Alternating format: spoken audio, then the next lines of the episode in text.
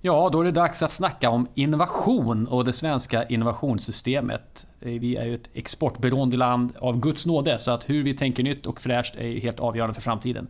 För att reda ut detta har vi med oss vår VD Mats Lindgren som nyligen skrev en agenda för ett innovativt Sverige. Välkommen till Framtidsstudion Mats. Tack. Du, eh, den här agendan, vad är det för något eh, och vem står bakom den? Det är en eh, liten rapport eller en agenda som är skriven på uppdraget av innovationsföretagen. Det vill säga de som tidigare hette Sveriges teknik och designföretag. Och som lite avrundning på detta samtal om innovationen i Sverige, agendan för ett innovativt Sverige. Det var att titta på de 15 stycken stegen mot en innovativ framtid. Och jag tänkte vi tar oss igenom den men kommenterar bara ett fåtal. Ja. ja då börjar vi. Nummer ett. Har en kultur där ambitionen är att vara först med att förstå, testa och i rätt tid skala är systemets själva DNA. Ja, ja. det är den här framåtlutet. Ja. Mm. Det är inte så mycket att säga om det, det förstår vi. Det är viktigt mm. att vara tidigt ute om man ska vara innovatör. Det är dumt att komma två, eller åtminstone komma tia. Mm. Nummer två, man har en övergripande idé om framtidens omvärlds och marknadsutmaningar och låter denna idé vägleda strategi och strategisk innovation och kapacitetsuppbyggnad.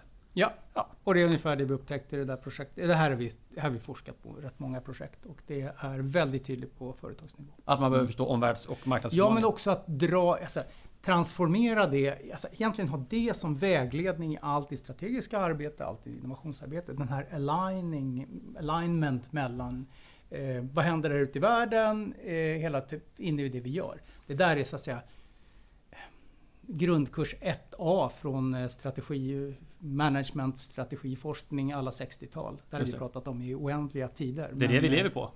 Ja, det är det vi också lever på, det är riktigt. så är det ju. Att eh, ha koll på bör-perspektivet som säger. Grundkursen, liksom. Det är så här. Eh, omvärlden ska prägla vilken strategi man har. Den strategi man har ska prägla hur man organiserar sig. Ja. Mm. Den Där. alignmenten är inte alltid särskilt stark. För dig som lyssnar och inte har jobbat med strategi, där fick du grundkursen på tre. korta begrepp. Så.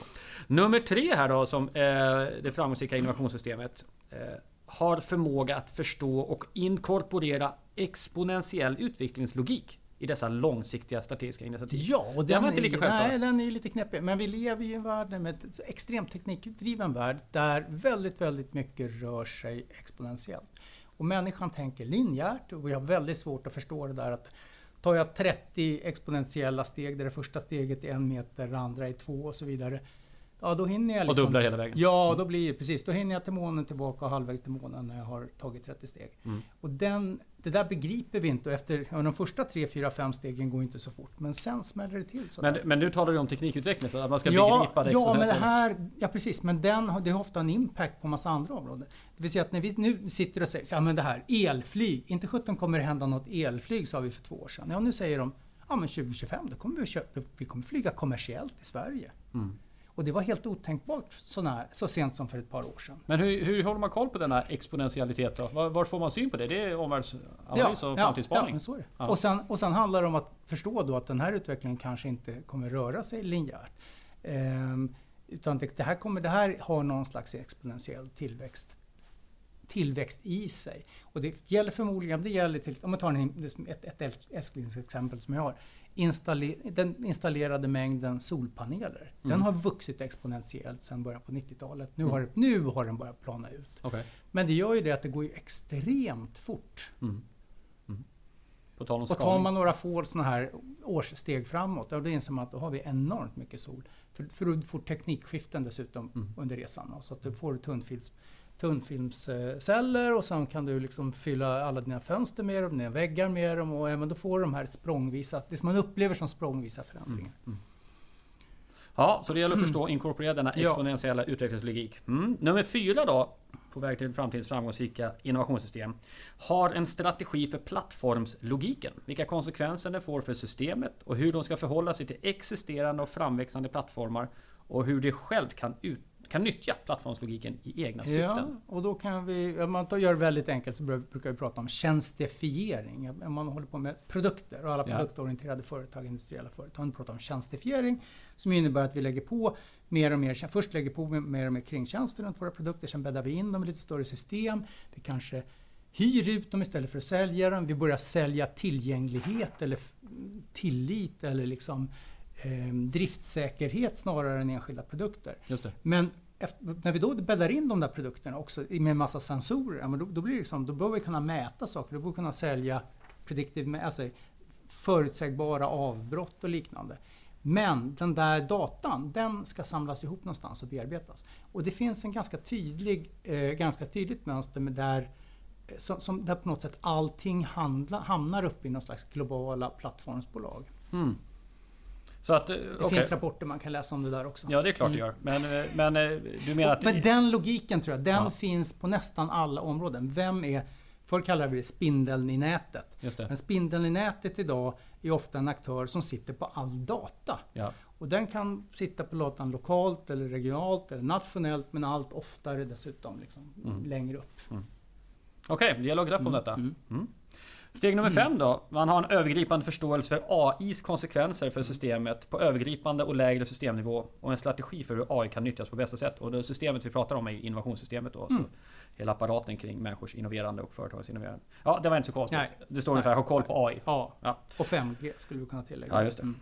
Eh, på steg nummer 6 då, har en övergripande förståelse för hur komplexitetsökningen i arbetsuppgifter påverkar produktivitet och produktivitetsdifferentiering och hur det här påverkar systemet då förstås. Och till exempel fånga upp exceptionella outliers. Det var mycket nytt här nu. Ja, Produktivitetsdifferentiering, vad är det här? Det. Ja, det, det, det, här är väldigt enkelt. Man säger, förr i tiden när folk grävde diken, då grävde den som var snabb kanske dubbelt så fort som den som grävde lite långsammare. Eh, och idag visar det sig att man har, man tittar på arbetsuppgifter som har låg grad av komplexitet, så är de riktigt duktiga ungefär 50% bättre än medelmåttorna.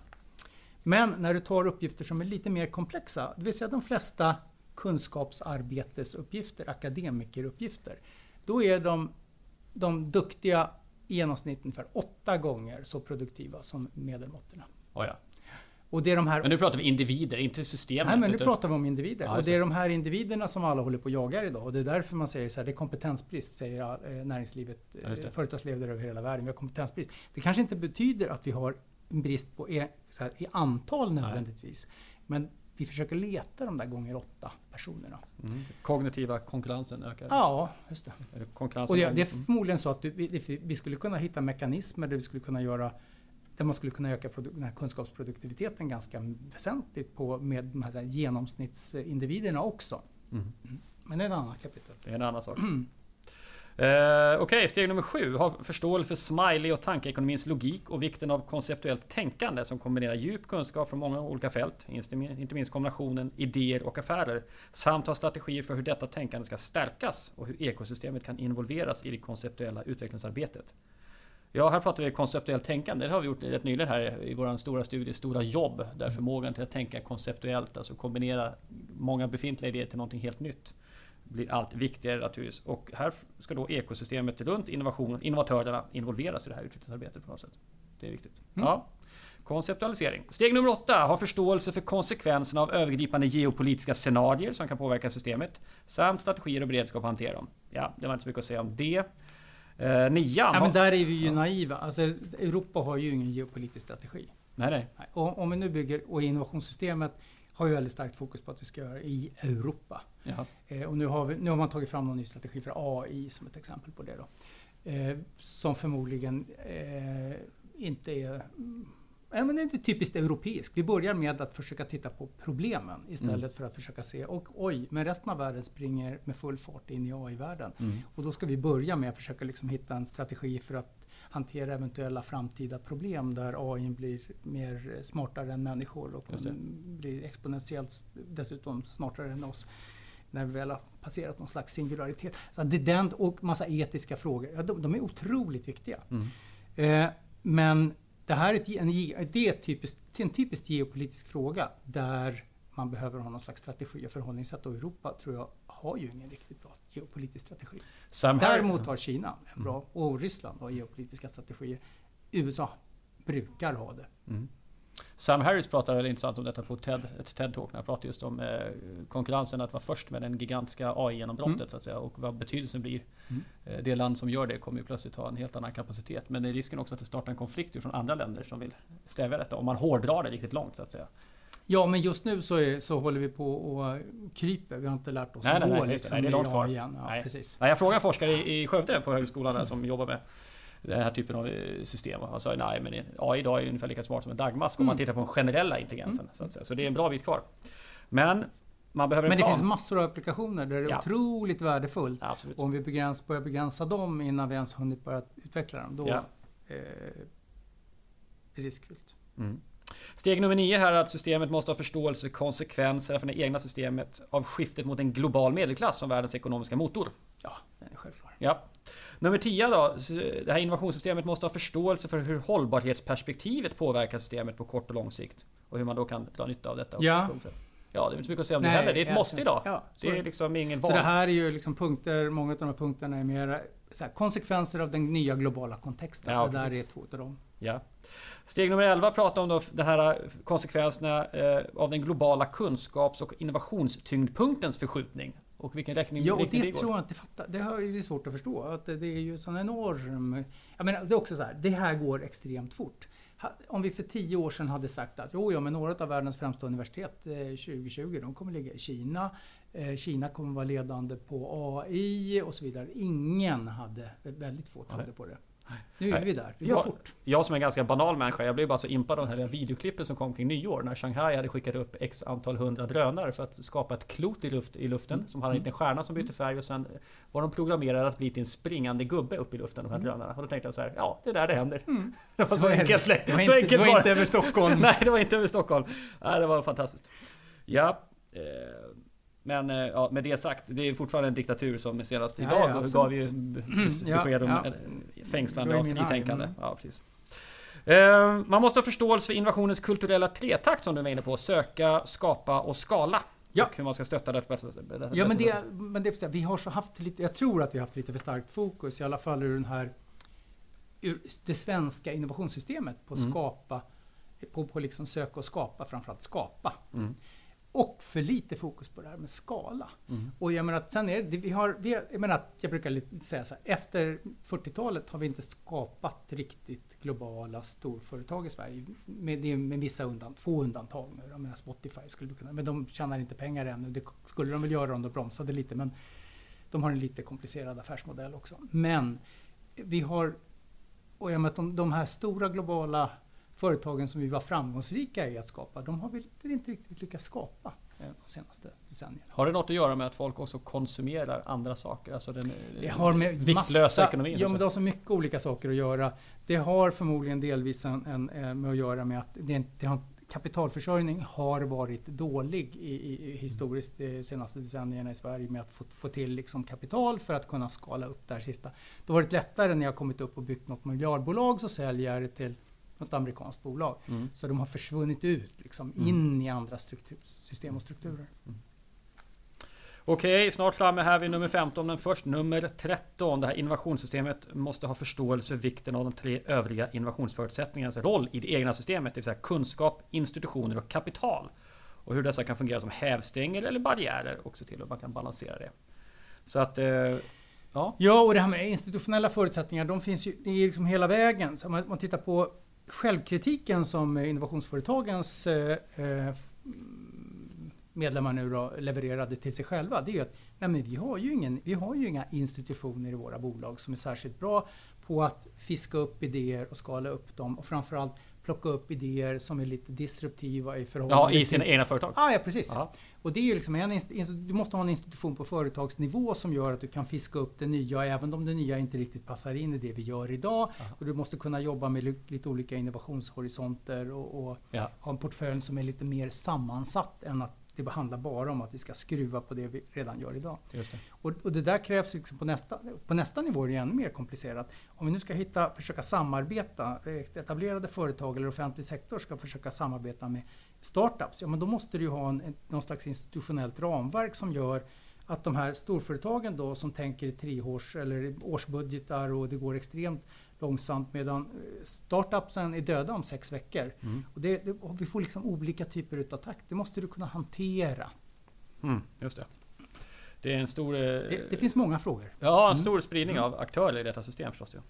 Okej, eh, det här systemet, nummer 14, förstår innebörden av att innovation uppstår i ett system och att förändringar i en del av systemet får återverkningar i andra delar. Och då måste man ha strategier för att påverka och dra nytta av olika delar av systemet. Det var lite det du var inne på nästan. Ja. Kan man säga. Slutligen då, nummer 15 av de här stegen fram till framtidens framgångsrika innovationssystem. Det är att det här systemet har en innovationsprocess för att ständigt uppdatera insikt och strategi i samtliga ovanstående punkter. Så den Ja, då! det är ja. Ja, det är heltäckande. Bingo! Ja, precis. Nej, men eh, innovationsprocesser. Du var inne här på nyss på att eh, innovationsföretagen själva tyckte att de var dåliga på att fånga upp det som redan finns hos dem Ja, själva. deras medlemmar. Ja, ja, deras medlemmar, Mm. precis. Eh, Ja, och, och där, i deras fall så att de är också såna här, ofta såna här missionsorganisationer. Det säga man jobbar på projekt på projekt på projekt. Det, säga man, det finns ganska lite slack i organisationen som gör att man har, man har många, många av de här, förutom de största då, eh, naturligtvis, som, som är ju väldigt stora, massor av konsulter, har någon slags process för att tänka nästa steg. Ja, det. Och det behöver ju alla organisationer som är, har lite höjd. För annars blir allt väldigt ad hoc-orienterat. Du Mm. springer på det som, jaha, där har vi en kund så löser vi deras problem. Så tar vi nästa kund, Mm. så nästa kund. Nu jobbar jag ju själv mest med offentlig sektor då, och olika typer av demokratiskt styrda organisationer, medlemsföretag och så Ja. vidare. Men, men jag ser liksom tre delar som, som tre aspekter av organisationslivet eller företagandet som känns som eh, går från att vara ett eh, optional till att bli eh, hygienfaktor. Det ena är naturligtvis hållbarheten som vi pratade om. Mm. Som, eh, ja, det är inte så mycket att säga om det. Eh, Men det andra är ju en ökad förståelse för behovet av omvärldsanalys och framtidsspaning. Mm. Att det är inte liksom något man gör på en inspirationsdag eller lite latch någon Nej. gång. Utan det behöver ligga hela tiden i det strategiska Inte ad hoc bara. Nej, precis. Och sen slutligen, det är ju innovationsledningen. Alltså hur Ja. faciliterar vi den processen? Eh, och den här typen av processledarskap, att vara innovationsledare, det kan man utbilda sig till. Hos oss till exempel. mm. Men att det behöver finnas sådana resurser eh, som förr kanske kändes som en lyxgrej eller skedde lite mer, ja det var en informell roll. Det var någon som var duktig på att fånga upp och, och var naturligt bra på det. Men att idag behöver liksom institu- institutionaliseras. Alla Ja, och det behöver göras på organisationsnivå. Ja. Men det behöver också institutionaliseras på systemnivån över. För att svaret på, på många frågor idag, det är ju samverkan. Ja, just det. Ja, men samverkan mellan organisationer är ofta extremt svårt. Mm. Om du inte har någon, någon, någon form av institution för att hantera den här samverkan inom. Ja. Och, och att du har någon som har då, om det, det här syftet med den här samverkan är att vi ska få ut innovationer. Ja, då behöver du också en innovationsledare för det systemet. Just det. Ja, det är ingenting som bara händer oss Nej, det händer inte av sig själv. Utan det är, det, för det blir hela tiden, ja men vänta nu. Det blir en fråga om så här, okej om vi satsar det här, vad får vi ut utav det? Vem är det som ska dra? Någon drar ett tag och då de andra drar inte. Och, det blir liksom en väldigt lätt en, en eh, någon slags ojämlikhet och någon slags olika takt i ett Mm, sådant system. mm. Och här kan man bara tänka sig också betydelsen av alltså, i, i en egen organisation till exempel. Hur ska vi fånga upp idéer? Det finns ju folk som är mycket mer lyhörda, mycket mer öppna Ja. och ser vad som sker och Mm. har de relationerna i organisationen att det finns möjlighet. Det är värt att fundera på om en sån person också kan axla den biten. Att liksom vara den som eh, ser till att vi inte missar guldkornen från diverse medarbetare hit och dit. Ibland, Ja. men inte alltid. Nej. Mm. Du, eh, nu har vi tagit oss igenom denna agenda för ett innovativt Sverige som du sa att man kan ju ladda ner den Ja. på hemsidan om man vill läsa mer om hur det ska gå till framöver. Det är en viktig fråga. Vi är extremt exportberoende som sagt. Vi Ja. har en hårdare global konkurrens att vänta. Och eh, vi har inte råd att inte vara spetskompetens. Alltså vi har ju, svenska samhället bygger på att vi har varit en hög kompetensnivå jämfört med omvärlden under lång tid. Inte, Ja, att vi har varit betydligt mer innovativa Ja. än, än omvärlden. ja. Så att eh, vi hoppas att många har lyssnat och eh, ni som jobbar i innovationssystemen eh, återkommer och eh, fortsätter bygga era system så att vi blir framgångsrika framåt också. Eller hur Mats? Ja, Bra! Då landar vi där idag tycker jag. Tack så mycket för att du kom hit. Vi ses snart igen. tack.